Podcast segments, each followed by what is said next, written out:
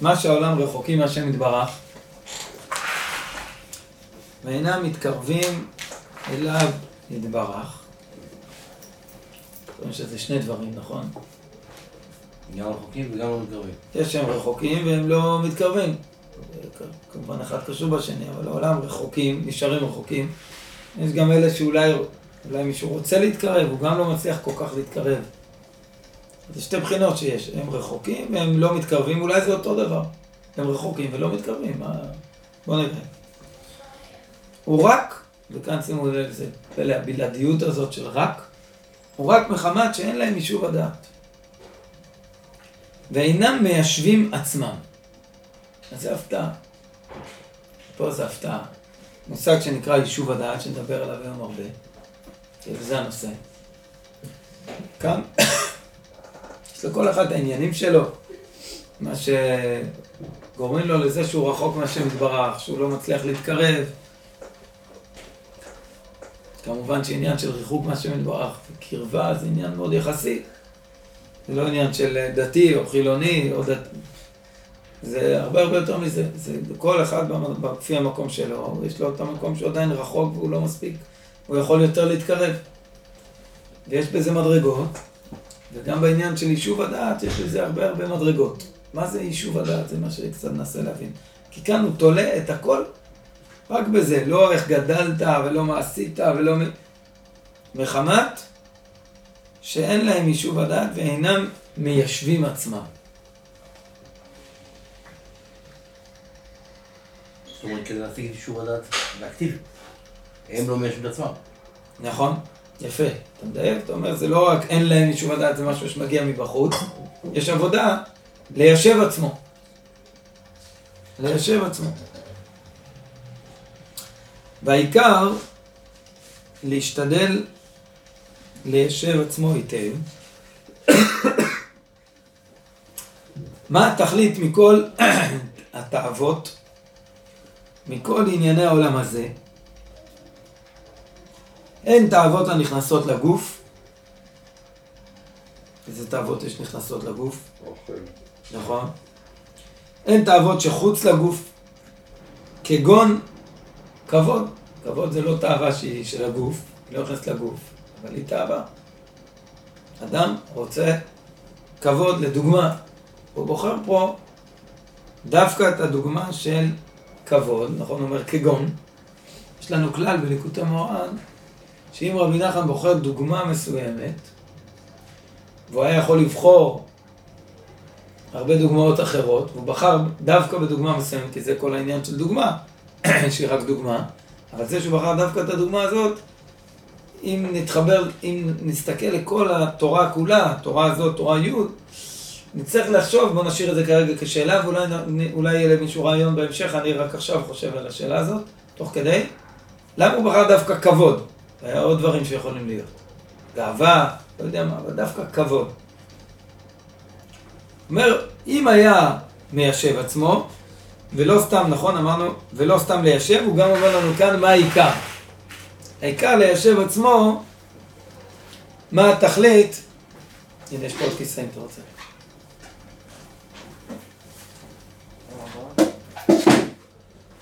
אה, אולי תביא עוד ספר. צריך עוד ליקוטי מורן אחד. הנה גיא יביא לך. לומדים תורה י'. תורה הזאת. התחלנו פה, אנחנו בפסקה הראשונה. אז כאן אומר, זה לא סתם יישוב הדעת, באופן כללי, הוא גם מדגיש מה העיקר. העיקר זה מה התכלית. לא מה התכלית מהחיים שלי, מה התכלית מכל התאוות, מכל ענייני העולם הזה. זה משמע שבעצם היישוב הדעת פה, העיקר הוא, הוא קצת על דרך השלילה. היה אפשר להגיד, הוא היה יכול לבחור אחרת, הוא היה יכול להגיד שישב עצמו, מה התכלית האמיתית של החיים, מה התכלית של עבודת השם, בכלל. לא, הוא אומר לך, לא.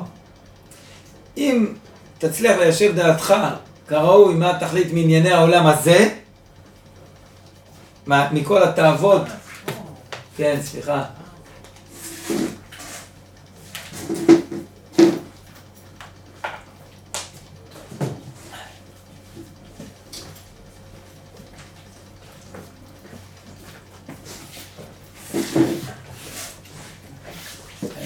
אה, יש עניין מאוד אה, חשוב לא לקחת את הבחירה לבן אדם, אם מישהו לומד, אנחנו לא יודעים אם הוא מה...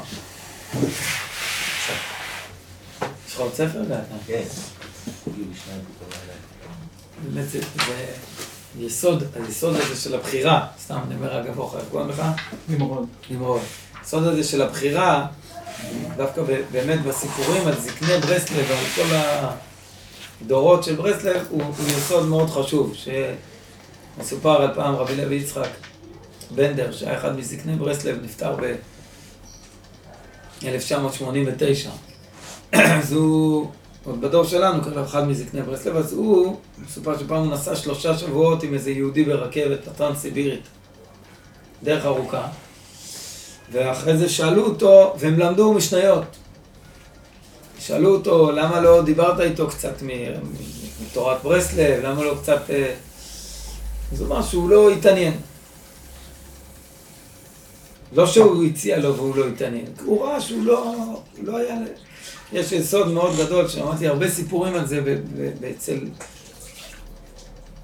בדרך של ברסלב, שרבי נחמן הנחיל את תלמידיו, שהבן אדם, אתה בא להציע, אבל אתה, אתה צריך לראות מאוד שיהיה בחירה לבן אדם. סתם כל זה, זה אני אומר, אגב, רק אתה ישבת שם, אז לא, אף אחד לא פנה להגיד לך שהוא מתחיל, כי אולי אתה רוצה להמשיך ללמוד, לא יודעים.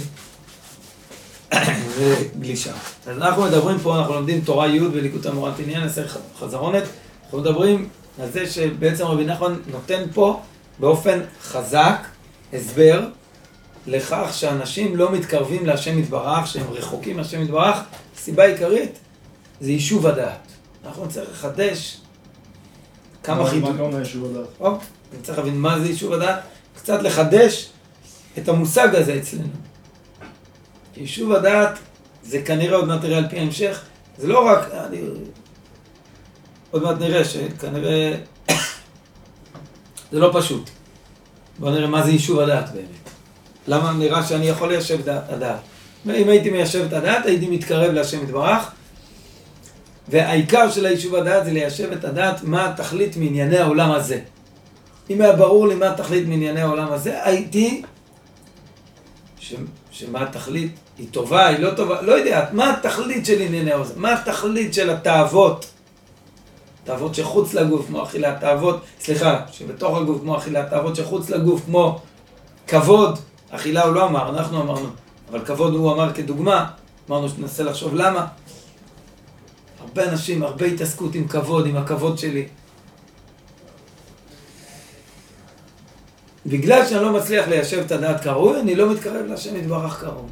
אני נשאר רחוק, יחסית. כל אחד בבחינה שלו. הזכירו לי אחרי זה לחזור קצת לעניין הזה של יישוב הדעת, לנסות לתת הגדרה שהיא לא כתובה כאן, אבל קצת להרחיב על המושג הזה, בעזרת השם, בסדר? נשאר את השאלה ככה. בפשטות מה זה יישוב הדעת? הפשוט. מה זה יישוב הדעת? תגידו. בנחת. בנחת. כן? בן אדם שהוא רגוע. עצבני. בן אדם עצבני, בן אדם שאין לו יישוב הדעת. לה- להבין את העולם, את החיים. כן. להבין את המציאות, איפה הוא חי. יישוב זה מילה לשוב, לה- להחזיר את הדעת, או ש... לא, ליישב. ליישב אותה. אז אתה יודע מה, אני, אני ארחיב שנייה קצת על הדבר הזה. מה אתה אמרת, שמחה? בן אדם כאילו רגוע, כאילו, ש... זה קשור, כן, זה קשור למה שעמית אמר. זה נחת, רגוע, כאילו יש איזו בחינה כזאת, אבל באמת יישוב הדעת זה, זה התבוננות כזאת, כאילו זה, שיש לו יישוב, הוא מצליח ל, להשתמש בשכל שלו, זה פשוט כאילו. הוא מצליח ליישב את הדעת, למה זה נקרא יישוב הדעת? באמת המקור של יישוב הדעת, פעם שמעתי מיהודי שקוראים לו הרב בזנסון, הוא נתן הסבר מאוד יפה. אנחנו יודעים שבספירות, יש לנו עשר ספירות, או אחת עשרה. יש עשר בעקרון, אבל כל פעם יש אחת שלא סופרים. ויש את השלוש ספירות העליונות שהן קשורות למוחים. אחרי זה יש קומה יותר נמוכה שזה קשור ל, לרגשות, חסד וגבורה ותפארת, ואחרי זה יש עוד קומות, עוד קומה יותר נמוכה. אבל הקומה העליונה של הספירות, שמדברים בתוך המוח של הבן אדם, זה חב"ד. נכון? מה זה? חוכמה, בינה, דעת. מה קשור אלינו? הדעת. נכון? אנחנו מדברים על יישוב הדעת. שוב הדעת. אז הסבר ששמעתי, זה כל העניין של מה זה יישוב הדעת? יישוב הדעת זה ליישב את הדעת כראוי במקום הנכון והממוצע האמיתי שלי, שהוא משתנה מאדם לאדם, שבין החוכמה לבין הבינה. שזה צריכים להבין קצת יותר, כאילו הדעת הרי באמצע זה חוכמה, חוכמה היא ימין, בינה שמאל, ובין החוכמה לבינה ממוצע, יש, זה לא ממוצע, זה, יש עוד ספירה שנקראת דעת, וליישב את הדעת כראוי זה שהיא היא תכיל כראוי את החוכמה והבינה שלי, ש, שאני, המתוקנים שלי. בוא נסביר את זה קצת. היום מדברים על זה, כאילו אפשר למצוא מקומות שבהם מדברים שבמוח יש מוח ימני ומוח שמאלי. מוח ימני ומוח שמאלי, כשלומדים על זה קצת, לפחות מה שאני ראיתי, זה מאוד מאוד קשור לחוכמה ובינה. זה בדיוק ההגדרות של חוכמה ובינה. מה ההגדרות של חוכמה ובינה? לדוגמה, איך? בכבוד. מה שאתה... כאילו חוכמה זה ידע מבחוץ, כאילו שאתה מקבל אותו מבחוץ, מאנשים אחרים, אה, ובינה זה יותר הפנימיות, לחבר דבר לדבר, אה, לחבר את המושגים בתוכך, לחבר לעצמך. יפה, אז יש קשר באמת, בינה אומרים שזה מבין דבר מתוך דבר, בן. יש הגדרה כזאת. בן זה כבר הולדה, נכון. אה, אחד ההסברים הפשוטים לחוכמה ובינה, עוד מעט נראה זה קשור למוח הימני ומוח שמאלי, ודרך כל זה ננסה להבין מה זה באמת יישוב הדעת. זה מעיין ונחל. נכון, זה בתורה, רבנו מביא בתורה ל"ד, פעם למדתם. ל"ד שם הוא מדבר על חוכמה ובינה בהקשר של מעיין ונחל. מעיין ונחל אנחנו מכירים. מכירים? אני אביא לכם עכשיו שתי כוסות. כוס מים מהמעיין, כוס מים מהנחל, מה אתה רוצה לשתות? כן, היה? מעיין. יש מישהו שרוצה אחרת? מן הסתם כולם מעיין, על מים מינרליים כתוב תמיד שהם באים ממעיינות. מעיינות אין גדי, מעיינות זה, יש מעיינות, לא נחלים. אם היית כותב לי על המים מינרליים נחלים, לא הייתי קונה. למה? כי הנחל, הנחל במהות שלו, הוא כוח של המשכה. כוח של המשכה. אני משתעל הרבה, אבל אני עם המון לך, אני כבר גם אחרי שתי קורונות וחיסונים וכל זה, היום להשתעל זה מפחיד, אבל אני, יש לי לך עכשיו איומה, כאילו, כל הזמן על ה... עכשיו גם עברתי פעם שנייה קורונה לפני חודש, אה, ברוך השם, אה, החלמה, היום להשתעל צריך להתנצל. כל היום אני מלווה אותי הלכה, בעזרת השם מתנקה מזה. אז אמרנו, נחל זה כוח של המשכה, נכון? המעיין הוא, הוא המעיין, המעיין לא נקרא על שם המשכות, המעיין נקרא איך שהמים יוצאים. שורש, זה מעיין. והנחל הוא זה, נחל הוא, הוא מגיע הרבה פעמים, ממים, יש אזור שיש מעיינות שיוצאים שם הרבה מים, והנחל ממשיך אותם. המעיין יכול לצאת ממי תהום, וכל מיני סיבות מאיפה המעיין מגיע. ואז נהיה הנחל. יש נחלים שהם סתם, אה, רק זורמים מלמעלה, זה לא, לא מגיעים, אבל הם מפסיקים בדרך כלל אחרי כמה זמן, שיש שיטפון והוא זורם מלמעלה, אבל זה נחל זמני. נחל אמיתי, והוא מחובר למעיין, מעיין יכול להפסיק, גם הנחל יכול להפסיק. המעיין, יש בו משהו נקי, יש בו משהו שורשי, משהו ראשוני הרבה יותר, זה המקור. והנחל זה כוח של להמשיך את המעיין הלאה, אבל שם גם נוצרות כל מיני בעיות. לכלוך. לכן היינו מעדיפים את המים של המעיין. במילים אחרות, יש לכל אחד, המעיין, החוכמה, היא קשורה מאוד להשראה שלי. משהו שאני מחובר אליו.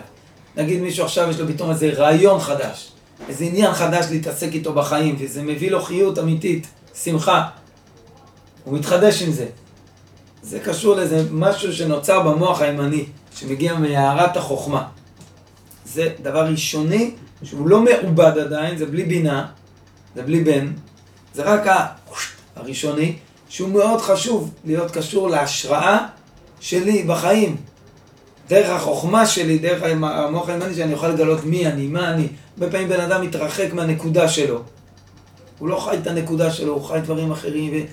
ואם הוא לא מחובר לחוכמה שקשורה אליו, ש... שהיא מחברת אותו להשם יתברך דרכה, הוא מפוספס שם באיזה משהו של ריחוק מעצמי. יש אחד שמאוד קשור לנקודה שלו, לחוכמה, המוח הימני שלו מאוד מפותח, יש לו כל הזמן רעיונות ודברים חדשים שהוא מתלהב, אבל הוא מאוד מאוד מתוסכל. למה הוא מתוסכל? הוא לא מצליח, שום דבר הוא לא יודע להוציא אותו מהכוח אל הפועל.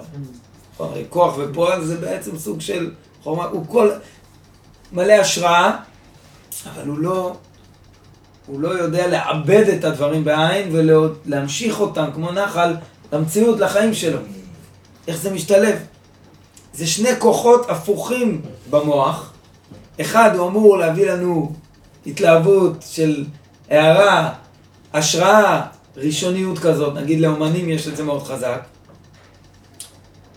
יש אנשים שהם מאוד מאוד נוטים למוח השמאלי שלהם לעיבוד, עיבוד בעין.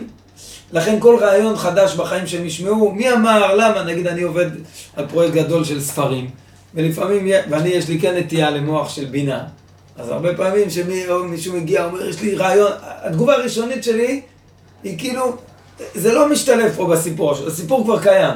אל תערבב לי את הסיפור, אל תשנה לי אותו. זה לא טוב. צריך לעשות עם עצמי עבודה ולהגיד, רגע, אולי יש התחדשות בתוך הסיפור. כן. הרב, שתי נקודות המבט האלו של חוכמה ובינה, שני מהקדוש ברוך הוא, נכון? כן. אז פה בעצם אומרת הבחירה איפה אנחנו עומדים. או, יפה. כל הרעיון של דעת, שהדעת, יישוב הדעת זה ליישב את הדעת, שהבן אדם לא יהיה, יהיה קשור לשתי הבחינות האלה. הוא יהיה קשור לחוכמה של, יהיה קשור לבינה, והוא לא ייטה לאחד מהם בצורה חזקה שהוא יתנתק מאחד מהם מדי. עכשיו כל אחד צריך לאזן את עצמו. ולדעת, זה נקרא במידה מסוימת ליישב את הדעת. לא, לא בדיוק ממה שכתוב כאן, אבל זה הגדרה של יישוב הדעת חזקה שקיימת במציאות, שדרך אגב היא קשורה מאוד בברסלב, כשמישהו היה אומר אני הולך ליישב את הדעת. מה הוא היה מתכוון לומר? לאן הוא הולך? הוא הולך להתבודדות. התבודדות זה יכול להיות בשדה, זה יכול להיות בחדר. מה זה התבודדות? התבודדות זה עבודה שאדם מספר להשם יתברך במילים שלו, מה ש... כמו אל חבר. מה הוא מספר לו? מה שהוא רוצה. אין פה נוסח, זה לא סידור. הוא מודה להשם יתברך, הוא מבקש מהשם יתברך, הדברים שחסרים לו. הוא מספר להשם מה עובר עליו, מה קרה לו, הוא אמר לי ככה, עושה, אפילו ברמה כזאת. כתוב, זה חידוש, כמו אל חבר. כמו אל חבר. מספר. מה קורה כשאדם מספר? שאדם, בפרט עם ההתבודדות שלו, זו עבודה שהוא זוכה לקיים אותה בקביעות. יש לו איזה כמה דקות ביום שהוא מפנה, הוא מתבודד, חלק מהעניין של להתבודד זה להתנתק מהסביבה. זה לא חייב להיות שאני יוצא מחוץ לעיר, זה זכות, אם זוכרים מדי פעם בשדה, בטבע, כמובן שיותר קל. וגם בחדר, אבל אני מעביר את הטלפון למצב שקט. אני מצליח עכשיו לא להיות... צריך למצוא לזה מקום. איזה חדר שלא יפריעו לי, אם לא נעים לי שידעו שאני מתבודד, אני צריך למצוא לזה פתרונות. אבל איך אני עכשיו, שאף לא יכולים להפריע לי לכמה דקות האלה. ואני מנסה לדבר. שנייה, אני חוזר לך.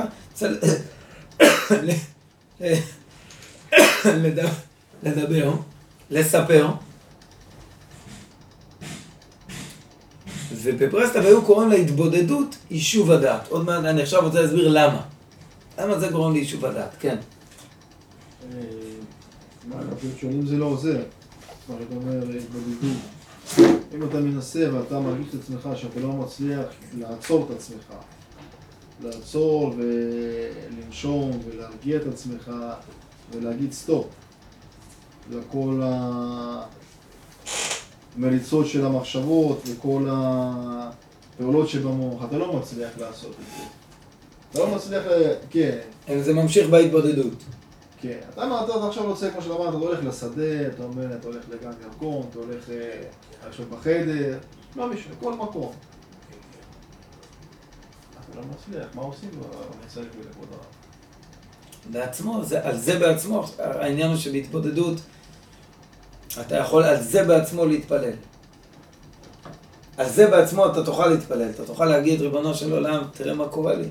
אני לא יכול אפילו חמש דקות ל- ל- ל- להשקיט את המחשבות, את מרוצות המחשבה, מה יהיה איתי? תעזור לי שיהיה לי שקט קצת, שאני ארגע קצת, שאני אוכל להתנתק קצת ממה ש...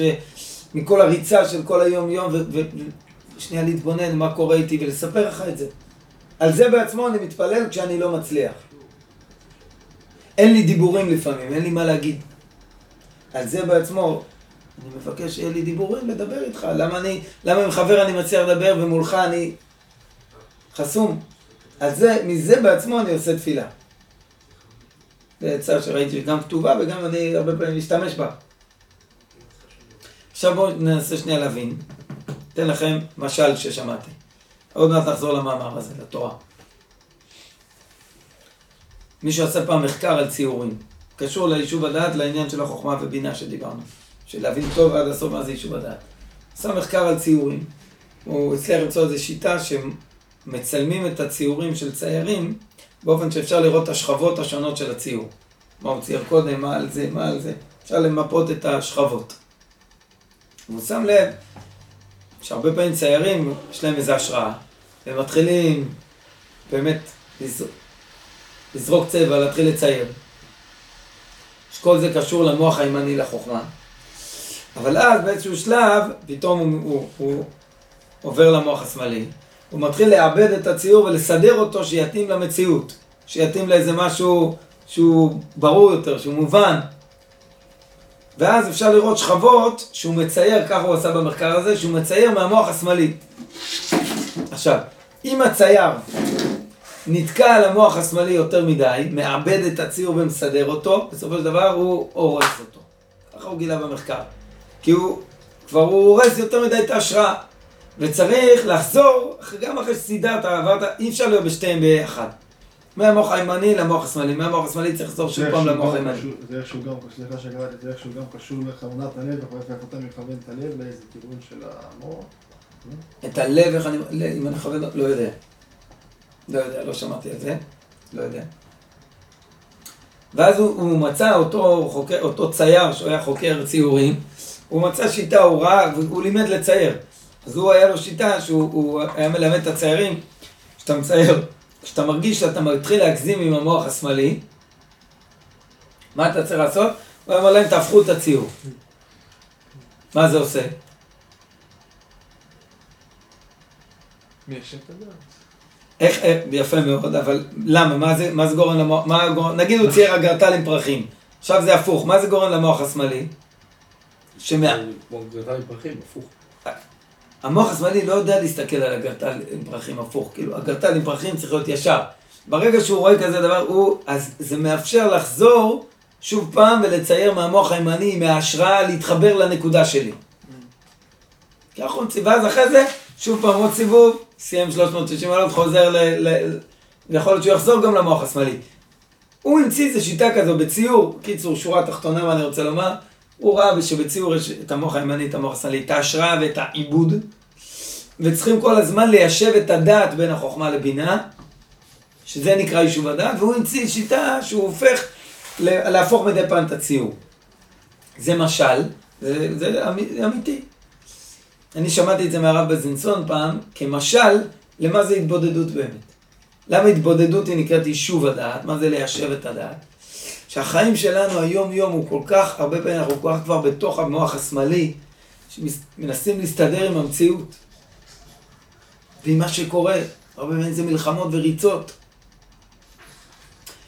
ובכלל האדם צריך למצוא איך אני מתוך המציאות ומתוך היום-יום שלי השוטף והמריץ שרץ, איך אני מצליח ליש...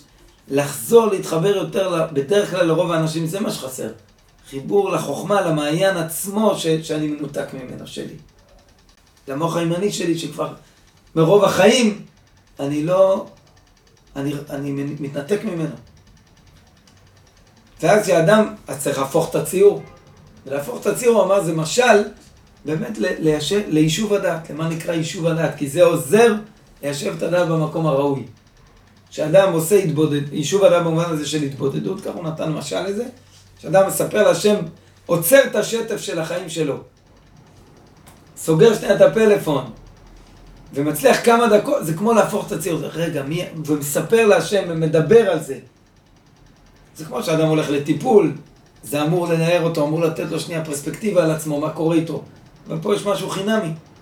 אפשרי לכל אחד. כשאדם מספר, מרגיל את עצמו לספר, לדבר, זה עוזר לו ליישב, לכן בברסלב היו קוראים תמיד, הוא הולך ליישב את הדעת, זה נקרא שהוא הולך להתבודד.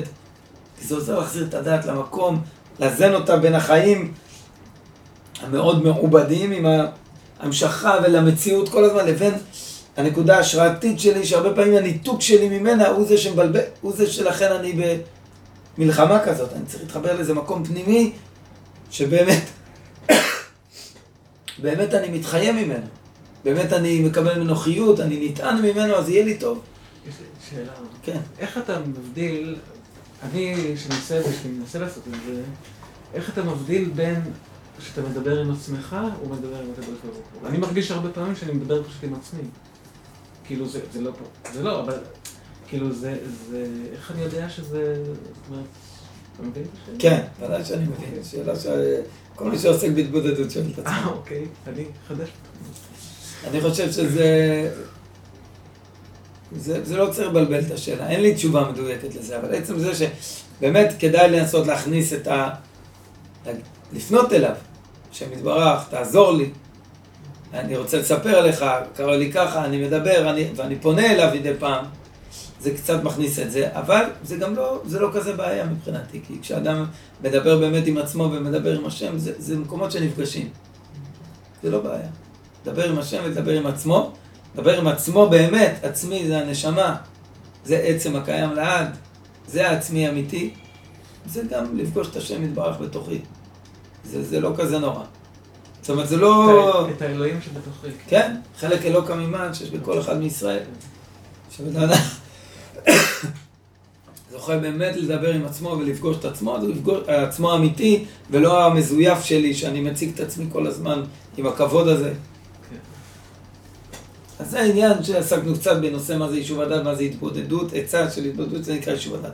בואו נראה מה כתוב פה עכשיו. אנחנו דיברנו פה על זה שיישוב הדת, אם אין לי יישוב הדת, אז אני נשאר רחוק מהשם יתברך, אני לא מצליח להתקרב אליו. עכשיו תראו, שימו לב, ואז אני שואל את זה, מה, לא, אין לי יישוב הדעת? שימו לב עכשיו איך הוא מגדיר מה מפריע מאוד ליישוב הדעת. אח, אך דה. מקובל בליקוטי מורן שכתוב את המילה דה, זה השגה גבוהה. זאת אומרת, כאן הוא עכשיו מוריד לנו איזה רעיון שהוא מגיע ממקום מאוד גבוה. נכון, יש בגמרא, יש לשון כזו שאומרים תשמע. תשמע בארמית, מה זה? בוא שמע. נכון, הרבה פעמים רוצים להביא, מבין תשמע. מביאים איזה ראייה, איזה ברייתא, איזה מקור, למה שאומר לך תשמע. בוא שמע. בזוהר, איך הזוהר אומר שהוא רוצה להגיד משהו? תחזה. תחזה. בוא תראה. יש בו שמע, יש בו תראה, ובליקוטי מורן, שהוא רוצה להגיד את הדבר הזה, הוא אומר לך דע. זה גם סוג של, זה בחינות שונות, מעניין, יש שמיעה, יש ראייה ויש דעת. בוא נראה. זה אומר אחדה. אחדה, יש פה איזו ידיעה שהוא רוצה לתת לנו, שהיא סייג למה שאמרנו, של... היא, היא, היא תפתח בעצם, זה הלב של, המ... של התורה הקצרה הזאת. אחדה שעל ידי מראה שחורה, מה זה מראה שחורה? מכיר את המושג הזה? עצבות. זה עצבות חזקה כבר, כן. עצבות חזקה. מה זה עצבות שמשתלטת עליך? באמת יש ארבע מראות באדם, ככה מופיע בספרים, עם צבעים שונים. קשור לכבד, לריאות, ללב, טחול. לטחול, אם אני לא טועה, כן? וזה, יש להם יחסית, שפותחים, זה, זה באמת ארבע חלקים שיש בהם אה, הרבה נוזלים. ושאם אה, פותחים אותם, אז רואים שהצבעים שלהם זה לבנה, שחורה, אדומה וירוקה. זה ארבע מראות. המראה השחורה שקשורה לטחול, אם אני לא טועה, הוא לכבד, לטחול, עצבות היא. לכבד אולי. לכבד. הוא אומר את זה, אומר את זה פה, לא, הוא אומר את זה בשיחות הרב. זה קשור אם אני לא טועה לכבד, כן. אז זה עניין של באמת של עצבות חזקה. איך אתה אמרת? מה אמרת? אולי זה? משתלט עליך. שמראה שחורה זה שעצבות כבר לא רק איזה משהו, אלא כבר... לא קם בבוקר ואיך כבר. כן. כן. יפה. אז אומר אחדה, שעל ידי מראה שחורה אי אפשר, לה... זה עצבות, אי אפשר להנהיג את המוח כרצונו. המוח לא, אני רוצה להנהיג אותו, אני רוצה להשתמש בו, אני רוצה להפעיל אותו. ליישב את הדעת למשל, בשביל ליישב את הדעת אני צריך מוח. ואני לא, משהו שם לא עובד. הוא אומר, "ו- ועל כן קשה לו ליישב דעתו. דבר פלא. עצבות גורמת למוח להיות באיזו תפיסה כזאת שהוא תפוס והוא לא יכול ליישב את הדעת. גם אם הוא ינסה לעשות פעולה של יישוב הדעת, בין אם זה התבודדות או בין אם זה דיבור, או בין אם זה התבוננות, סליחה, שהוא ינסה ליישב את הדעת, שזה המובן הפשוט של, של יישוב הדעת, הוא ינסה להתבונן בחיים, מה התכלית שלי, מה... הוא לא יגיע לשום מסקנה נכונה, כי המוח לא עובד כרצונו, לא עובד כראוי, משהו שם תפוס. מתי? שיש מראה שחורה. ומה זה יכול? זה גם יכול לגרום מחבלות פיזיות, זה גם יכול להיות מפגיעה נפשית, זה גם יכול להיות מ... שהמוח בבעיה. כן. נכון. מה זה יכול להיות? מה? העצבות? המראה שחורה? כן. כל מיני דברים.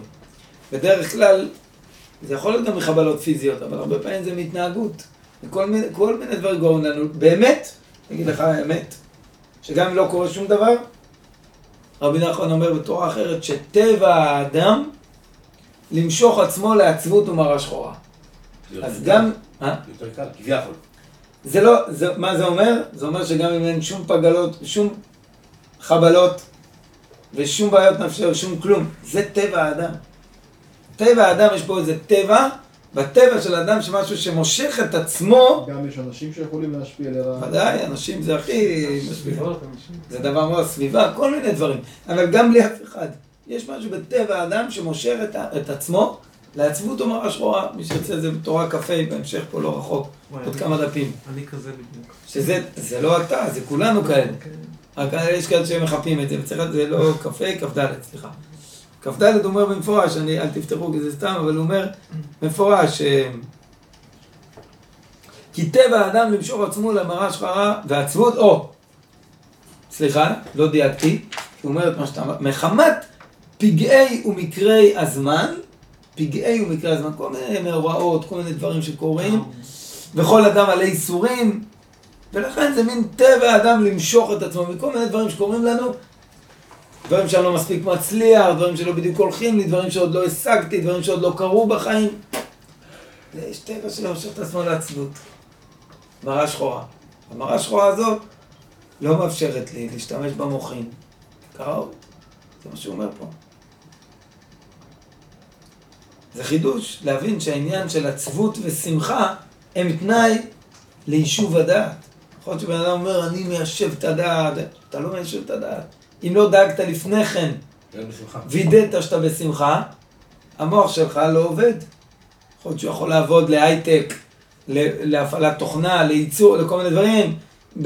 לא אומר שאתה טיפש, יכול להיות שיש לך המון שכל. אתה לא יכול ליישב את הדעת כראוי. זה מה שהוא מלמד פה. אז אתה לא, אז אל תלך להתבודדות כשאתה בעצבות. או, שאלה מעולה.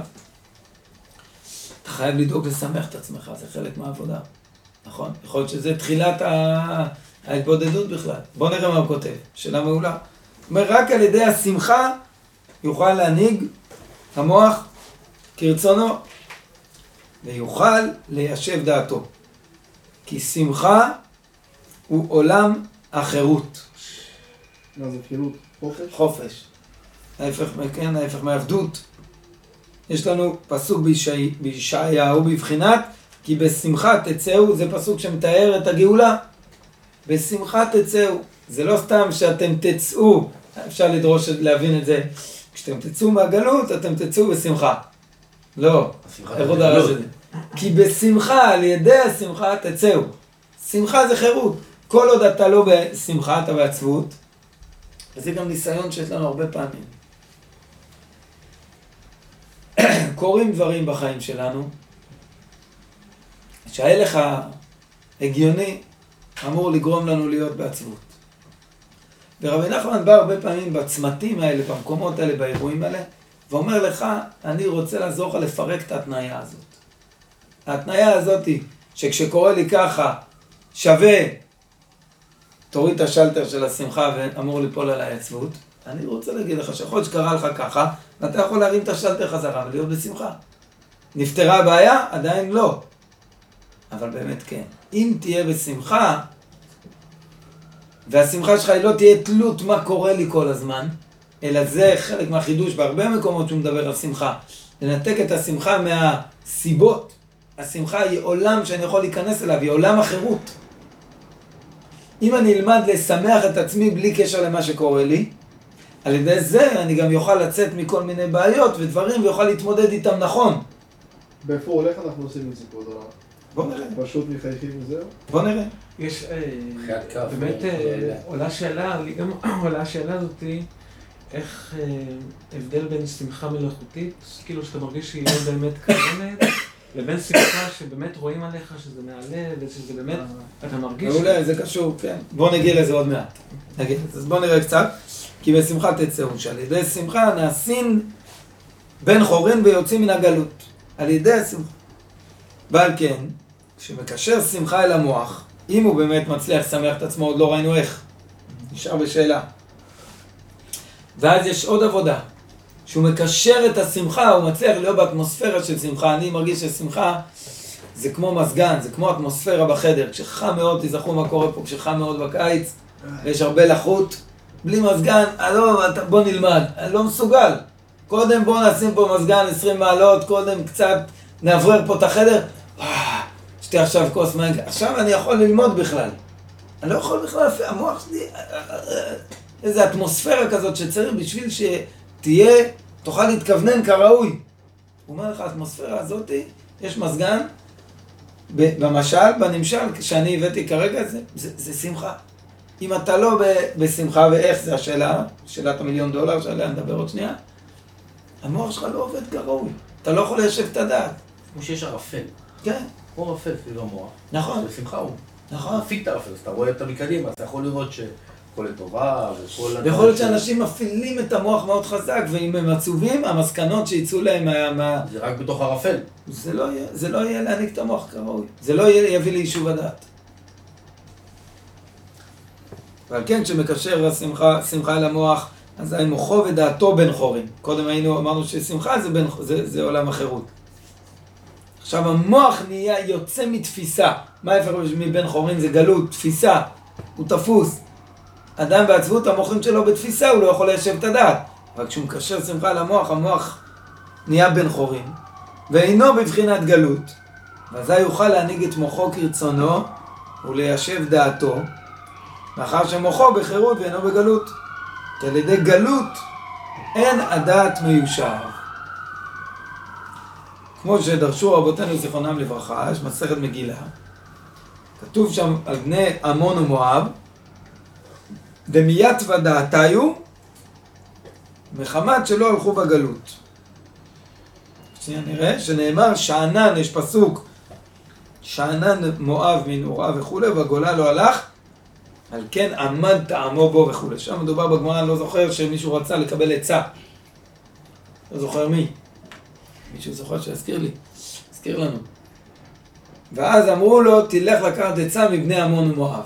למה? כי בני עמון ומואב, הם אף פעם לא היו בגלות. הם תמיד היו... זה במגילת אסתר, לא?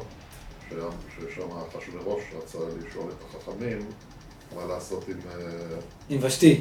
נכון, נכון, זה מסכת אה, יפה. מגילה, זה כנראה, כן, זכור, אני לא זוכר מאה אחוז, אבל נשמע לי, זכור לי משהו כזה, לא מזמן היה בדף הימי, כן, יפה. אז כן, אז אמרו לו, תלך לקחת עצה בבני עמון ומואב, למה? כי הם לא, היו, הם לא בגלות, הם לא היו בגלות אף פעם, אז המוח שלהם עובד כראוי.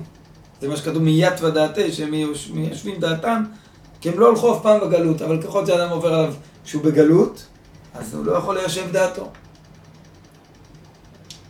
פסקה אחרונה, עכשיו הוא אומר, ולבוא לשמחה. איך באים לשמחה? כי הרי הסדר הוא פשוט. שמחה, יוכל ליישב דעתו, יוכל להתקרב להשם יתברך. אבל איך באים לשמחה? אז עכשיו הוא אומר, ולבוא לשמחה, הוא על ידי מה שמוצא בעצמו איזה נקודה טובה על כל פנים. כמבואר על פסוק, הזמרה לאלוקיי בעודי עיין שם. זה דבר אחד. זה תורה שלמה, תורה רפ"ב, תורה ידועה וחשובה מאוד, שרק עכשיו אנחנו נוגעים בה ממש על קצה המזלג, כי הוא מזכיר אותה כאן. אדם צריך להתרגל שם בתורה הזאת, רבי נחמן מלמד אותנו, להתרגל למצוא בעצמנו נקודות טובות. בלב. בעצמי, בכלל. בכלל. בדברים שעשיתי, דברים שאני, כל נקודה טובה, יש בנו איזה מערכת אה, תפעול שלא אוהבת את כל אחד ועניינו, אני מדבר על עצמי, אבל גם עוד כמה אנשים שפגשתי בחיים שאנחנו מדברים על הדברים האלה והם גם יש, מרגישים כך. כאילו משהו במערכת תפעול שלנו בעייתי, שהרבה פעמים אנחנו לא אוהבים, אנחנו לא רואים בעצמנו שום דבר טוב. יש עבודה, זה נקרא העבודה הזאת של תורה זמרה, של תורה רפ"ב, שאדם לא מסתכל על המציאות בעיניים מפוכחות ונכונות, מאה אחוז, אלא הוא, יש לו, הוא מכניס בעצמו תוכנת הפעלה, שהוא רק מוצא נקודות טובות. אה, כאן יש בעיות? לא מסתכל על זה. נקודה טובה, היה לי בבוקר. נקודה טובה בצהריים. הלוואי ככה, בעזרת השם. אבל היה בעיות. לא, וגם למה אתה לא מסתכל באופן אה, ריאלי על החיים שלך? יש פה עוד בעיות. רבי נחמן אומר, עזוב ריאלי עכשיו. הוא נותן לנו פטור לזה. הוא אומר, אם תלמד לעבוד ככה, לא להיות ריאלי. הריאלי הוא רוצה לראות את המציאות כל הזמן נכוחה. אבל אולי בעצם על זה שתסתכל על הנקודות הטובות, אז הבעיות יפסיקו להיות בעיות. זאת אומרת, תסתכל עליהן, אבל ב- בעין של תואר רפ"ב. בואו נעשה את זה מעשי כבוד הרב, מה? כאילו, אתה אומר משהו טוב. אני בן אדם, אפשר להגיד, אופטימי, מאוד, וגם מאוד, סליחה שכאילו, קראתי באמצע, וגם, אתה יודע, לפעמים אתה אומר, תשמע, יש גם אנשים שמושכים אותך למטה, אז צריך להתרחק מאנשים כאלו, כמה שיותר מהר, זה מובן. אבל בכל אופן, אתה לא... במעשי עכשיו, ברוך השם היום אמר, עשינו, עשינו. עכשיו, איך אני עכשיו מוצא פה משהו ש... ברוך השם הגעתי לשיעור תורה, תורה זה כבר טוב. אבל זה עדיין לא משמח אותי אמיתי בתוך הלב. רגע. אבל אם תתחיל להתרגל להגיד, וואי, באתי עכשיו לשיעור, כל הכבוד. בעצם המהלך הוא הסתכל רק על זה שבאת לשיעור. כן, על מה שהם משכו אותך כאילו... לא להסתכל. זה לא עכשיו, עכשיו. תחשוב על עוד משהו שהיה לך היום, שאתה אומר, בואנה, פה... באתי לעקוף את ההוא ולהיכנס בצורה שהיא לא... פתאום עצרתי את עצמי. נקודה טובה. פה מישהו ראיתי שהיה נראה לי מסכן, אבל- ביקש צדקה, נתתי לו צדקה, נקודה טובה. אתה צריך להרגיש, להרגיש את זה בפנים, שזה ממלא אותך, שזה עושה, נכון? רק ככה בן אדם מבין ומקבל את זה, כאילו, אה, זה טוב לי ככה. לא. או שלהיכנס לאוטומט הזה, כאילו, אה, תתחיל לאסוף את הנקודות הטובות, תתחיל להתרגל לראות אותן, בלי עכשיו אני כן מרגיש, לא מרגיש, זה כן מחיה אותי, זה כן בלב, לא בלב. תתחיל להתרגל לחשוב ככה, ואני אגיד לכם סוד, וזה גם קשור לשמחה עוד שנייה. רבי נחמן בהרבה פעמים, הוא נתן לנו היתר לקדש את המלאכותי על מנת להגיע לאמיתי. מה? לקדש את המלאכותי, למשל, נקודות טובות. המלאכותי זה אחד מתחיל למצוא עכשיו כל מיני נקודות טובות, אה יופי עשיתי ככה, אה יופי עשיתי ככה. אתה מגיע, אתה אומר, רגע, אבל זה מחיה אותך באמת, זה באמת אתה מרגיש? לא יודע, לא מרגיש, אבל אני אוסף נקודות טובות. העבודה הזאת הסיזיפית, כאילו המלאכותית, אפילו שהיא עדיין לא פוגעת, כאילו, היא זו שתבנה את זה, שזה באמת ייכנס בלב בסוף. היא תהפוך עם הזמן להיות אמיתית. בהרבה דברים זה ככה. אנחנו נראה עוד מעט גם על השמחה בעצמה. הרי אנחנו יודעים ששמחה, רבי נחמן דיבר על, על מושג שנקרא מילה דשטותא. כן, עוד מעט פורים. פורים זה החג של מילה דשטותא של כל השנה, זה היום של המילה דשטותא. אנשים, לכן אתה יוצא מעצמך, מתחפש, אין יותר, זה חג לכאורה, יבוא מישהו בחוץ, זה חג אנטי-יהודי בעליל.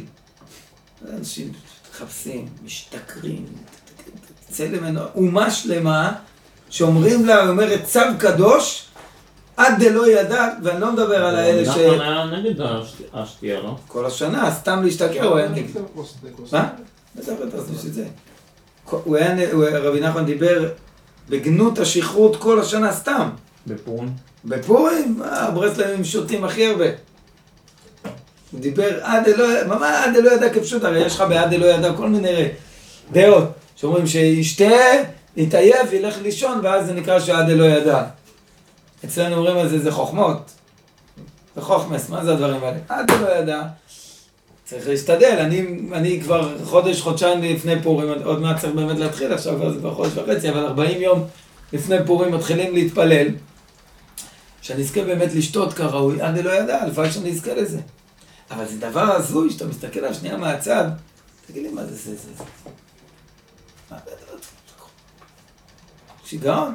ככה נראים יהודים, שומרי תורה ומצוות. נהפוך הוא. נהפוך הוא, כן, יפה. זה דבר גדול, אז היום הכי גדול של המילי דשטותא של כל השנה זה פורים, אבל באמת, מילי דשטותא זה עבודה שרבי נחמן, למה הוא אומר אותה? כי הוא אומר, נראה, יש לו לשון כזאת, שהוא אומר, שייתכן לומר שאי אפשר לבוא לשמחה, כי אם על ידי מילי דשטותא. זאת אומרת, הוא אומר לך, תראה, בן אדם, מה זה מילי דשטותא? מילי דשטותא זה לשבור את הרצינות, את המסכת רצינות, שככה נראה בן אדם נורמלי, בן אדם נורמלי, הוא רציני, מה? ויש משהו שתבוא קצת, תשבור את הרצינות שלך. ילדותי, קצת לפעמים. כן, תבוא לחבר, דגדג אותו קצת, יש לי איזה מישהו שאני מכיר אותו גר אצלנו בשכונה, אי אפשר להתקרב, הוא מתקרב, הוא גם מושך לך בדברים, מעצבן לך, מציג, זה ההלך רוח שלו. שהוא בן אדם, תלמיד חכם, תלמיד חכם ככה נראה, בעולם לא מקובל, תלכו פה בתי כנסת שלכם פה, רמת גן, בני ברק, תלמיד חכם, ויגידו, זה, זה לא רציני, זה, הוא ברסלבר. הוא יודע שיש משהו ברצינות הזאת, ההסתכלות הריצונית שהיא... היא, היא, היא מכניסה לנו איזו עצבות. אז המילה דשטותא היא חיצונית, היא מלאכותית. ורבי נחמן לא אמר המילה דשטותא היא השמחה, היא, נראה שאי אפשר לבוא לשמחה כי אם על ידי מילה דשטותא. כל אחד צריך למצוא את זה בבחינה שלו. אי אפשר לחכות מישהו אחר, למצוא את המילה דשטותא השייך לי. אבל משהו שמוציא אותי כאילו מהכבדות, ועל ידי זה יהיה לי יותר קל לבוא לשמחה אמיתית גם. א- איך, זה- איך הוא מסתכל על, אה, על כל ההיסטוריה היהודית של הלימוד היהודי ברצ... בבית, בבית, בבתי מדרש, או ברצינות, ובמסירות נפש, וב... זאת אומרת שזה זה פחות משהו שהוא... אה, דבר שהוא כל דבר, בשעתו, הוא לא אמר בשום מקום שצריכים 24 שעות ביממה לעשות מילה דשטותא. עוד מעט אנחנו נראה ממש דוגמה שהוא מביא כאן, איך אותו רב בגמרא, לפני שהיה מתחיל את השיעור, הוא היה בדיחה דעתה, הוא היה מספר איזה בדיחה, ואז היה מתחיל את השיעור. יכול להיות שבן אדם עושה מילה דשטותא כדי להיות בשמחה, ואז הוא הולך ליישב את הדת, כשהוא מיישב את הדת, הוא, הוא לא עכשיו עושה מילה דשטותא. אחרי הש- השמחה כאילו מאפשרת לו ללמוד בדיוק, זה. להדליק את המזגן. אחרי זה יוכל ללמוד מאוד ברצינות. אין בברסלב כזה דבר שכל היום אתה צריך לעשות קולות ול... זה אמצעי, זה אמצעי, אמצעי. אבל זה אמצעי קדוש. זה אמצעי קדוש שאנחנו צריכים ללמוד להשתמש בו. אז כאן בואו נראה, דבר ראשון לבוא לשמחה, דוגמה, נקודה אחת שצריכים לפתח אותה, זה, זה, זה עבודה שנקראת הזמרה, זה קשור לנקודות טובות, הכתובת לזה מי שרוצה יותר להעמיק בעבודה הזאת, תואר רפ"ב, הוא מדבר גם, עוד יותר קשה זה גם לעשות זה לאחרים. הוא אומר, הוא מסתכל על בן אדם אחר, רואה שהוא מלא פגמים, והוא לא, הוא מוצא בו נקודה טובה.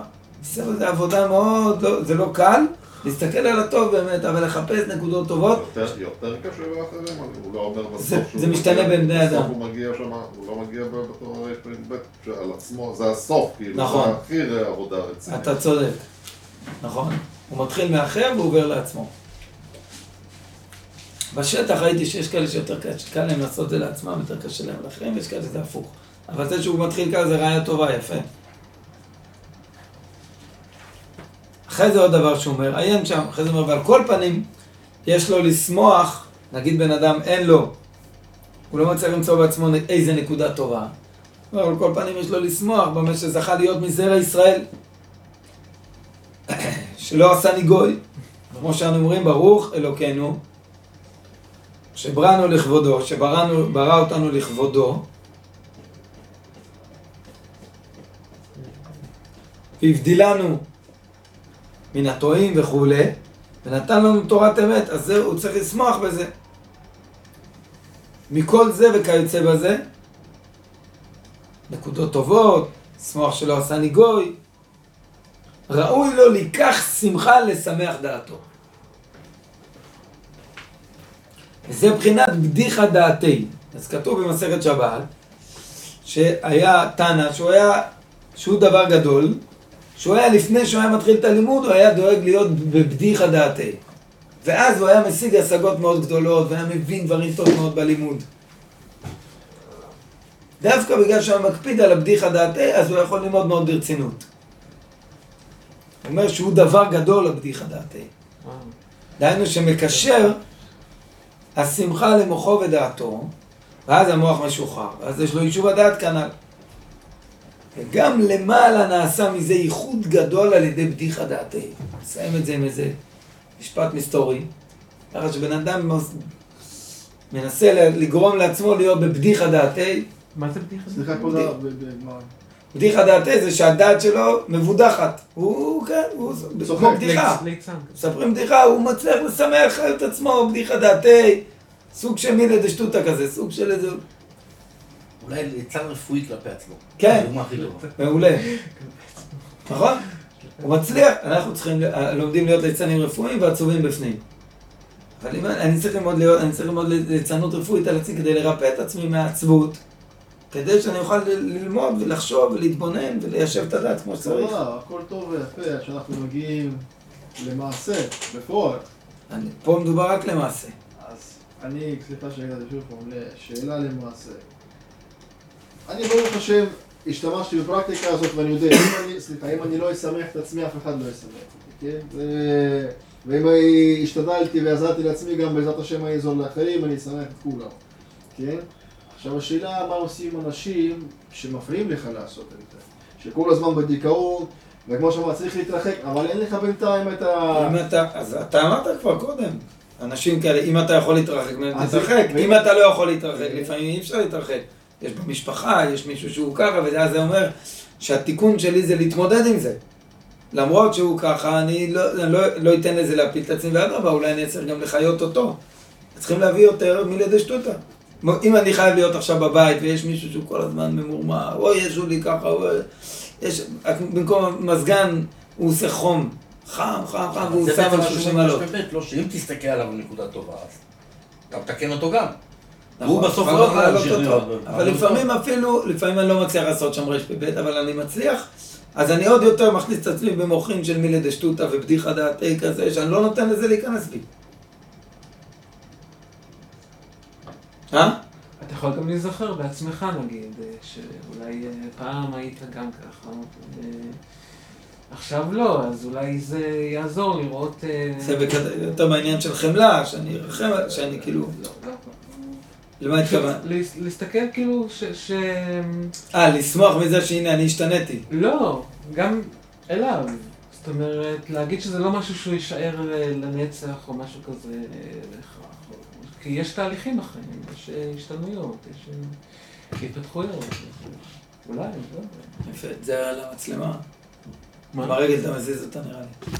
בתיק שלך. מוביל אותי לדברים. אין בעיה. יש כל מיני עצות לשמחה. אבל דרך אגב, עכשיו אנחנו באמת בראש חודש אדר. המתנה, להבין שלא בטוח, אם אני מחפש רק לבוא לשמחה האמיתית, שהיא תבוא, זה גדול עליי. ויש כל מיני עצות לשמחה, כמו הנקודות טובות, כמו הבדיחה דעת, כמו המילי דשטותא, שהם כלים עם עצות, אבל דרכם אני אוכל גם להגיע יום אחד לשמחה אמיתית. זה שלעצמו הדבר הזה, שאדם משמח, מחיה את עצמו ודואג להיות באטמוספירה כזאת, שקצת יותר מבודחת. ממה? מה? זה לא... זה בריא, זה בריאות. כך הוא יוכל לחשוב יותר טוב, כך הוא יוכל להתבונן, ליישב דעתו יותר, כמו שלמדנו פה, אבל עוד דברים, הוא יוכל לעשות באמת יותר טוב, המוח משוחרר ככה. זה כמו כדור. צריך לקחת כדור, כי אם לא המוח מתעוות. יש איזה בעיות בחשיבה. אז הוא לוקח כדור כאן, אומר לך כדור. שהיה זה-. כן? עכשיו, אני רוצה לסיים עם דבר אחרון. אנחנו מסיימים. זוכרים מה שאמרתי קודם על הדבר הזה שהוא נתן דוגמה לתאוות שחוץ לגופו, כבוד, כבוד. אז אמרתי לכם שכשרבי נחמן נותן דוגמה למשהו מסוים, יש כלל כזה בליקוטי מורן, שזה דווקא. עכשיו שמתי לב שהמילה כבוד חוזרת פה עוד פעם במאמר. עכשיו קראנו, הכל- לכבודו. יפה מאוד. יש לו לשמוח במה שזכה להיות מזרע ישראל שלא עשני גוי. כמו שאנו אומרים, ברוך אלוקינו שבראנו לכבודו. וזה עצה ש... שהוא ברא אותנו לכבודו, מה זה לכבודו? כדי בעצם, אני, מה הפשט של בר- ברא אותנו לכבודו? ברא אותנו כדי לגלות את הכבוד שלו, לגלות אותו בעולם. ויכול להיות שכאן אומר לך, תדע לך שחלק ממה שאדם רחוק מהשם יתברך, אין לי יישוב הדעת, הרבה מהעניין של היישוב הדעת הוא קשור דווקא בכבוד. האם אני עסוק בכבוד שלי? איך אני חי? אני חי יותר הכבוד שלי או הכבוד שלו? כבוד זה דבר שחייבים אותו, זה חמצן לנפש. אי אפשר בלי. אבל כמה? זה כבר שאלה גדולה. ורובנו בדרך כלל יש לנו נטייה שאנחנו מרבים בכבוד של עצמנו, נראה לנו שאנחנו צריכים יותר. ולכן אנחנו מקפידים ומתעצבנים על כל מיני דברים שלא קורים לפי כבודנו. או שסתם, נראה לי, מול אנשים שאני מכיר, לא מכיר, פוגש, כל מיני. למה לא? אדם שזוכה למעט בכבוד שלו. זאת אומרת, לעבוד עם הכבוד שלו. כבוד זה דבר שאני צריך, אבל למה אני צריך... והכבוד, אם אני סתם ממעט בכבוד, זה סתם סיגוף. מה הכוונה? סליחה, כאילו שאתה אומר כבוד, סליחה שקר, כאילו, אבל אתה אומר, כאילו, כבוד יכול גם להתבטא בהרבה סוגים, נכון? נכון, ודאי. לא בן אדם שעכשיו אני רוצה, אז שכולם אותי. לא, לא, לא, נכון? סתם הכבוד, אני בא הביתה ואשתי, כאילו, ואכלו, והגיש ארוחה, והילדים גמרו את האוכל, ואז פתאום אני בא ו... ואני מתעצבן, ולא נשאר לי אוכל, וזה, וזה מפריע לי ואני מתעצבן. זה כבוד. אם היה לי קצת פחות כבוד, הייתי אומר, מה אני... קרה. הרבה, הכבוד הוא... עכשיו שאלה, נגיד, בן אדם צועק עליך, לא משנה אם זה איש או אישה, לא משנה אם זה גוי יהודי, והוא מעצבן אותך, בא לך, לא יודע, להתרחק ממנו, סליחה, כל הדברים הרעים. זה גם נחשב ככבוד? שהוא פגיע לך בכבוד, או ש... כן. אם אני זוכה, איך אני, יש עצה למעט בכבוד. כן? זה בתורה ו', ישמע בזיונו, ידום וישתוק. שדווקא כשאותו אחד שאמרת שצועק עליי וזה, ואני מצליח לדום ולשתוק ולא להחזיר לו. הלהחזיר זה בא מכבוד. האם אני מסוגל, אפילו שיש לי כבוד, אני מסוגל גם כאן לעשות פעולה מלאכותית, יש לי כבוד. רק שנייה, יש לי כבוד, אבל אני מצליח לעשות פעולה מלאכותית שלמרות שבא לי עכשיו להיכנס בו ולצעוק ולהגיב, אני מצליח לעשות, לדום ולשתוק, בזה בעצמו אני ממעט את הכבוד שלי. לא רק שאם יהיה לי פחות כבוד, אז אני לא אגיב. זה גם עובד הפוך. אם אני לא אגיב, זה יעזור לי למעט לאט לאט הכבוד שלי. זאת אומרת, למצוא גם את נקודת הפחד הזאת, כדי לא להציג מילה כביכול, כדי לסתום את הפה, כדי לא... לא, למה פחד? לא קשור לפחד. קשור לזה שאני מבין שיש השם בעולם, והוא מנהל את הכל, והכבוד שלו, וגם אם צעקו עליי, אז כנראה לא יודע מה העניין. אני שותק. הרבה פעמים כבוד, כבוד זה עניין של כבוד שלי או כבוד שלו, זה כמו נדנדה. ככל שאדם ממעט בכבוד עצמו, ככל ש... אדם ממעט בכבוד של עצמו, אז הוא מרבה בכבוד השם בעולם. ככל שהוא צריך יותר כבוד לעצמו, הוא לא יכול לגלות את הכבוד של השם, לא מתגלה. מה זה לכבוד, לגלות את כבוד השם בעולם? זה הולך באופן פשוט, כל דבר לדעת, אם זה רצון השם אני עושה, ואם לא, לא. ואנחנו לא מצליחים לעשות את זה. הרבה פעמים אני יודע שרצון השם אחר, ואני בא... לא, אני, יש לי... זה הכבוד שלי גורם לי שאני מרשה לעצמי לפעול איך שאני מבין. זה יכול להיות שיש פה בתוך התורה הזאת איזה עניין כזה שהוא דווקא אומר להתבונן לתאוות שחוץ לגוף זה כגון כבוד ואחרי זה הוא מזכיר שהשמחה זה חלק מזה שאני אומר שבראנו לכבודו אז כמה שהאדם מצליח לשמח את עצמו שאני אמור לשרת אותו פה ברא, ברא אותנו לכבודו אולי זה, אז יהיה לי שמחה וזה קשור לזה שאז אני אוכל ליישב את דעתי יכול להבין שבאמת גם הכבוד שלי שאני רודף, אני יותר מדי לוקח כבוד לא אמרתי להפסיק עם זה לגמרי, אבל מ-80 אני יכול לרדת ל-60. אני נכנס לבית, לא, לבית כנסת, אני צריך שהוא יגיד לי שלום, ואם הוא לא אמר לי שלום, אז נראה לי למה הוא לא אמר לי שלום. לא, כאילו, סליחה שלי, כאילו, זה משהו אישי, בשבילי מאוד חשוב, אם אפשר ככה... לא עכשיו שבקטע של גב, אה, לא אמרת לי שלום, אה, למה מי... לא. אדם שפעם פגע בך, לא משנה אם זה איש או אישה, אם זה בן או בת, אם זה גוי או יהודי. פגעו בך פעם. זה יושב אצלך עמוק בפנים בתוך הלב. כל הברוגז הזה, כן?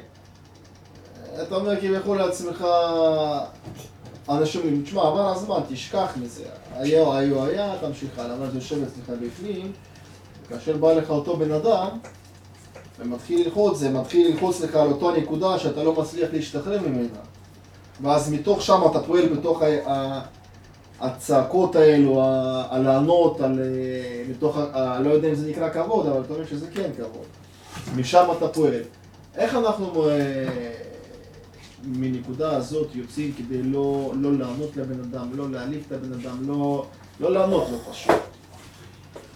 ובינתיים אין ברירה כדי בכלל לא להתייחס לבן אדם, בכלל לא... מה, מה הפתרון לכך, הרב? מה עושים? מה, אחד כזה שפגע בך, אז לא הבנתי את השאלה, הוא פגע בך מאוד, אז יש לך את ה... יושב עליך חזק, אז מה אתה... מה... יש עבודה.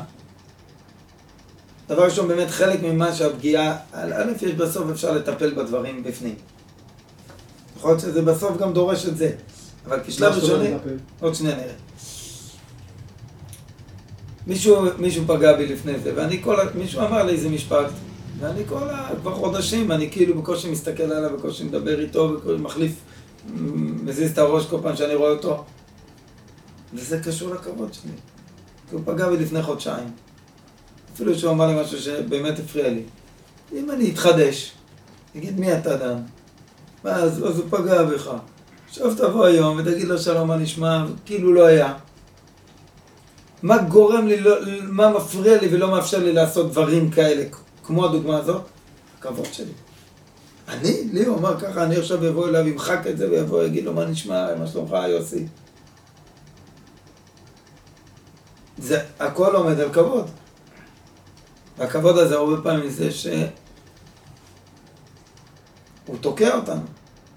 עכשיו, מה התכוונתי קודם? שאמרתי, לפעמים מישהו פגע בי עמוקות באיזה אופן. אז כלפי חוץ יכול להיות שאני צריך דבר ראשון להתחדש.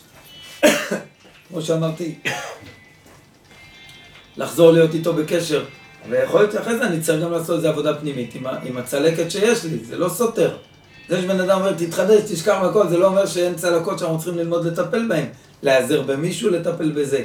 להתבודד על זה, לספר להשם ברך על הצלקת שיש לי.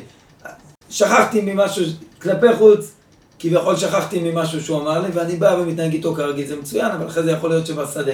אומר לשם ברך, אבל תדע לך, אפילו שחזרתי והנה חזרנו לדבר, כאילו הכל כרגיל, לא קרה כלום, בפנים אני פגוע. איך אני עושה עם זה? תעזור לי את זה לפתור. זה לא סותר, למרות שזה כאילו סתירה. כי אם אתה בא אליו כאילו לא קרה כלום, אז איך אתה בא אחרי זה עוד להמשיך לטפל בזה? כלפיו, ולפעמים גם אפילו איתו אני צריך בסוף לסגור את העניין. צריך לבוא להגיד לו, תשמע, ברוך השם, אנחנו חזרנו להיות בקשר והכל, אבל אני רוצה לדבר איתך, תדע לך שפגעת בי וזה, עשיתי עם עצמי עבודה, אני מוחל לך וזה, אבל הוא יגיד לי, סליחה, אה, זה יעזור לי להרגיע את עצמי. לפעמים אחרי זה גם, זה לא סותר. אבל הרבה פעמים בשביל להגיע למקומות האלה צריך גם לדעת, לזרוק את ה... להשתדל למעט את הכבוד ולבוא ולהתחדש בתוך מערכות, כי אחרת אנחנו נתקעים בכל מיני מערכות שלא יוצאים מהן. הוא אמר ככה, ואז זה גרם לככה, ושנים זה נמשך. זה מאוד מזכיר אה, כל מיני תפיסות מודרניות של אה, מחשבות חיוביות, כאילו הקדים את זמנו כזה של... אה, זה לא שזה מזכיר מחשבות מודל, זה מחשבות. הזכיר להם. הם, כן, זה מה שאני מתכוון. זה ממש מזכיר... אה, מלא, הליכוד המרן מלא, ניו אייג', כמעט כל תורה. שאתה מביא לי היום על ניו אייג', אני יכול להראות לך באיזה תורה זה ואיזה זה כתוב. כל הסוד, נכון הסוד, כן, בורא טוב, כוח המחשבה, נראה לך שיחה בשיחות הר"ן ותורה בליקוד המרן, זה אחד לאחד. לא יודע אם היא לקחה משם או שזכתה, וזה היה לה השראה, לא. לא משנה לי, אני לא בקטנות של מי קודם, כן. זה כתוב. כתוב, וגם הדברים שמופיעים פה בליקוד המרן, אני עוסק הרבה בספרי ספר שנקרא פאר הליקוטים, שאנחנו שם מחפשים את המקורות לדבר, להרבה דברים, כל מקור שמזכיר אנחנו פה בודקים איפה זה היה, איפה זה נאמר כבר קודם, ותמיד אנחנו רואים בליקוטי המורן שגם דברים שהוא מביא אותם מדברים שהיו לפני כן, הוא עושה בהם חידוש. הוא, הוא מתבוסס תמיד על דברים, רבי נחמן אמר עצמו, אני קנקן חדש, מלא ישן. ואני מלא ישן, אני מביא מה- מחז"ל ומהפסוקים, ואני הכל, אני לא דבר חדש. פתאום יום אחד משהו. אני יהדות. יהדות זה מתחיל מאברהם אבינו. אבל אני קנקן חדש. כמו הרב קוק, הישן... אה, הישן התחדש? התחדש והחדש התקדש. כן. כן, נכון מאוד. לשאול? כן. שהוא, אה, בהתחלה פה, שהוא כותב מה התכלית, שאנחנו צריכים ליישב את עצמו היטב מה התכלית בכל התאוות ובכל ענייני העולם הזה. נכון. אז, אז מצד אחד זה יכול להישמע, או שזה נשמע, הדבר הראשון שזה נראה כאילו שהוא אומר, ש- שכאילו זה, הדברים האלה הם לא, אם, אם תסתכל אז אתה תראה שזה דברים שאתה עושה מהם עניין גדול מדי. אבל אני שואל, אולי זה גם משהו כפשוטו לפי מה שהוא פשוט כותב, תסתכל, מה, יש פה בעולם הזה, יש לך תאוות חיצוניות, יש לך תאוות פנימיות, ותסתכל מה, מה התכלית שלהם באמת, כאילו, שיש להם איזה תכלית. של ללמוד מה, אתה- שיש עניין של בן אדם, זה שהוא רוצה כבוד, אז יש לזה איזושהי תכלית מסוימת, זה לא סתם, אל תגיד, תהיה הכי שאתה נכון, הוא. לא, הוא בפירוש, אתה מדייק יפה, הוא לא אומר כאן, ותראה ש- שאין בהם שום תכלית. כן. הוא אומר, תסתכל, תתבונן מה התכלית. עכשיו, יכול להיות שאם תתבונן מה התכלית, אז תוכל, מסתם הכיוון צריך להיות בסופו של דבר, אני חושב שכן. שכשאתה תתבונן את התכלית, יהיה לך יותר כוח למעט, במה שצריך למעט. כי אתה תראה מה התכלית. ובמקום גישה שבאה להגיד לך שטויות והבלים, וזה, וזה קיים, זה מציאות, זה חלק ממני. אתה לא יכול לבטל אותי. לך, אין בעיה, לא מבטל אותך. אם תזכה ליישב את הדעת על ידי שמחה ולהתבונן בתכלית, תוכל לאזן את זה באיזון הנכון יותר והמדויק יותר והמכוון יותר כלפי שמיא, מה שלא יפריע לך להתקרב להשם יתברך. ואז אני מחבר את הדברים יחד. וזה דיוק יפה מאוד. מה אומר נמרוד? לא, זה הזכיר לי את התפילה בתפ... בתפילין, לפני התפילין, של. למעט את הנאות, שזה אמור להזכיר את, ה... את המחשבות ואת התאוות, ואז אה, זה יזכיר לנו כל הזמן למעט את. כן. זאת אומרת. לא שווה את העבודה. זה כאילו, לא, זו שאלה מאוד מעניינת, כאילו, מה התכלית בעצם, כי התכלית שלהם היא בעצם להפחית אותם, כאילו, זה, התכלית שלהם. הם באו כדי קיבלנו פה תיק ניסיון כזה. לא פשוט, של נשמה שהיא לא חדשה, הייתה קודם. כן. חסר, והשידוך הזה שעשו לנו נשמה וגוף, זה, זה חתיכת סיפור. מי שבא לבטל את הגוף, להגיד לו אתה לא שווה כלום, זה, זה, זה לא העניין. בסוף המעשה מהבן מלך בן שפחה שנתחלפו, אז הוא, הוא, בסוף סוף, זה כל הסיפור שם, זה על גוף ונפש.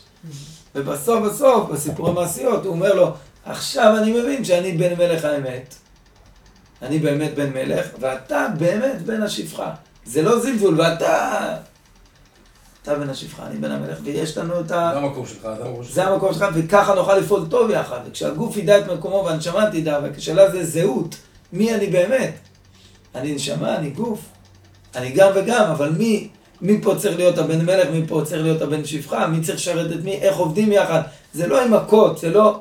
כל התקשורת הזאת שבתוך... זה הכוח הבכירי שבאדם אמור לנהל בתוכו את הנשמה וגוף הזאת, עד שהוא מתגלה באמת מי אני. זה מדרגה, כן. כל החיים. זה במשחק. בעזרת השם, הטובים מנצחים. בעזרת השם, אמן. בסוף בטוח הטובים מנצחים. בסוף, בסוף זה זה מה שיקרה. בסוף יהיה קל יותר. היה אחד שהיה, התפקיד שלו היה להעיר. היה חבורה שהם היו קמים בלילה ללמוד תורה ולהתפלל. להשתמש בזה. אז הוא היה, הוא היה דופק בחלון, הוא היה זה שקם ראשון, והיה כמה חברים שביקשו ממנו לבוא לדפוק אצלהם כל פעם בחלון. אז הוא היה דופק בירושלים, הוא היה דופק, להעיר בלילה. עכשיו בן אדם במיטה וזה, למי יש כוח לקום. היה לו משפט שהוא היה אומר, הוא היה דופק והיה אומר, בסוף יהיה קל יותר. כאילו, זה בן אדם שרואה את התכלית. ועכשיו זה קשה לקום וזה. תקום עכשיו, אבל סוף זה אין סוף. בסוף יהיה קל יותר. הסוף זה לא אינסוף, סוף זה סוף. אינסוף זה אינסוף. יש בחינות בתוך זה. הסוף כאן, כאן הוא מתכוון כאילו... אבל זה לא רק לעתיד, זה גם ל... כל דבר שאדם... כל ליקוטי מוהר"ן זה איך להמשיך תורות של העתיד, את, ה... את העולם הבא שתמיד מדברים עליו, לעולם הבא, איך להמשיך קצת ממנו כבר בעולם הזה. העולם הבא, מתי הוא יבוא? כשאנחנו נחיה כמו שצריך בעולם הזה, כשנחיה כמו שצריך, אז יהיה לנו עולם הבא. אז זה דבר ש... איך להמשיך קצת הערות מהדעת של העתיד לבוא, מהחיים של העולם כבר בעולם הזה, זה תפקיד מאוד גדול. זה בעצם מה שקורה כל שבת. שבת יש עולם הבא, ושבת אם אין עולם הבא. ככה זה כל, כשאדם חי, יהודי חי כראוי, אז כל דבר שהוא עושה, הוא קצת, הוא בעולם הזה, אבל הוא גם כבר קצת בעולם הבא. ואז העולם הזה שלו יכול להיות יותר נורמלי. הוא מביא קצת הערה כל הזמן של שבת לתוך החיים שלו. של אמונה, של שמחה, של נקודות טובות, של כל מיני, של יישוב הדעת, של חיים אחרים, שנזכה. אמן, אמן. שמחה בעצם היא אמצעי ליישוב הדעת. כן, זה מה שלמדנו היום. ודבר, לחזור עוד פעם על היישוב הדעת, במשפט כזה, אה, שוב לה- להבין, שוב, מה שדיברנו על החוכמה ובינה. זה בעצם, יישוב הדעת זה בעצם ליישב אה, כל מיני סתירות אצלך, או אה, מתח חיצוני והפנימי. כן, אה, כן, כן, כן, כן. ליישב בעיקר בין החוכמה לבינה שבתוכי. אני צריך ששניהם יהיו נוכחים בחיים שלי, וליישב את הדעת במקום הראוי בין שניהם. שאני לא אתנתק מהחוכמה שלי, שהיא ההשראה שלי, שהיא נקודת הפנימיות שלי, שהיא הנקודה ששייכת לי כרגע בחיים, שהיא לא השגרה, לבין השגרה וה, וה, והחיים והמציאות ששם אני חי. איך מחברים את זה? והשמחה זה ה... היישוב הדעת, השמחה עוזרת ליישב את הדעת, לעשות את הפעולה הזו כראוי. או- או- עדיין לא ענינו על השאלה שאלת קודם, אז בן אדם בעצבות, הוא צריך לשמח אותו, באמת התבודדות כנראה. תפעל פחות, שבן אדם עצוב. הוא ממש מתייחס לזה כתנאי? מה, לשמחה? כן. פה הוא אומר לך מפורש, בתורה שלמדנו, שמחה, כשאדם בעצבות, הוא לא יכול להעניק את המוח כרצונו, ואם הוא ינסה ליישב דעתו, הוא לא יוכל, הוא לא יגיע ליישוב הדעת אמיתי. זה תנאי ממש.